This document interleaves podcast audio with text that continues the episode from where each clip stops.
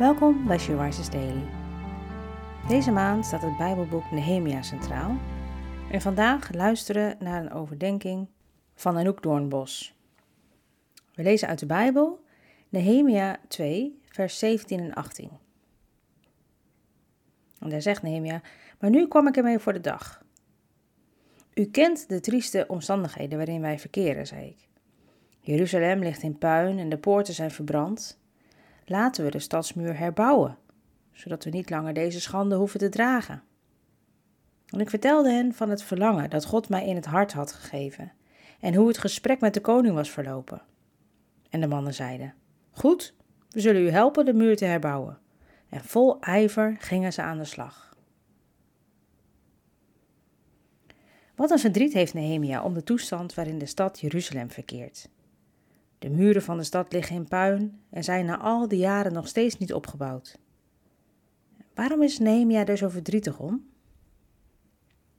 Stadsmuren betekenen tegenwoordig weinig. Maar in Nehemia's tijd waren ze van groot belang. Ze boden veiligheid tegen invallen en symboliseerden kracht en vrede. De stadsmuur, die bescherming zou moeten bieden tegen vijanden, was verwoest. En ik moet denken aan mijn eigen muur. Nee, niet de muren van mijn huis, maar de muren van mijn hart. Hoe stevig staan die? Staan ze stevig rechtop, kan het tegen een stootje, of zitten er zwakke plekken in de muur? Hoe is mijn relatie met God? Betrek ik Hem bij mijn leven? Bouw ik op Hem? Of denk ik het zelf al te kunnen?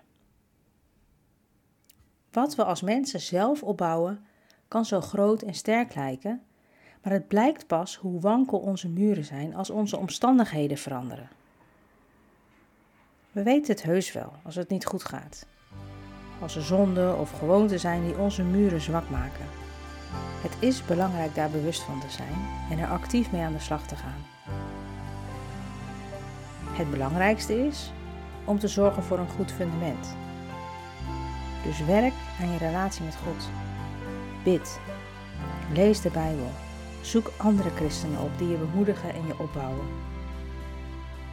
Ik moedig je aan om vandaag eens grondig naar je eigen muur te kijken. Hoe staat hij erbij? Hoe is jouw relatie met God?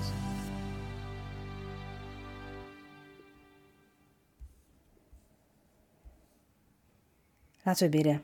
Heer, helpt u mij inzien waar de zwakke plekken zitten zodat ik kan werken aan een stevig fundament om mijn muur op te bouwen. Dat ik daarop mijn levenshuis mag bouwen. Amen.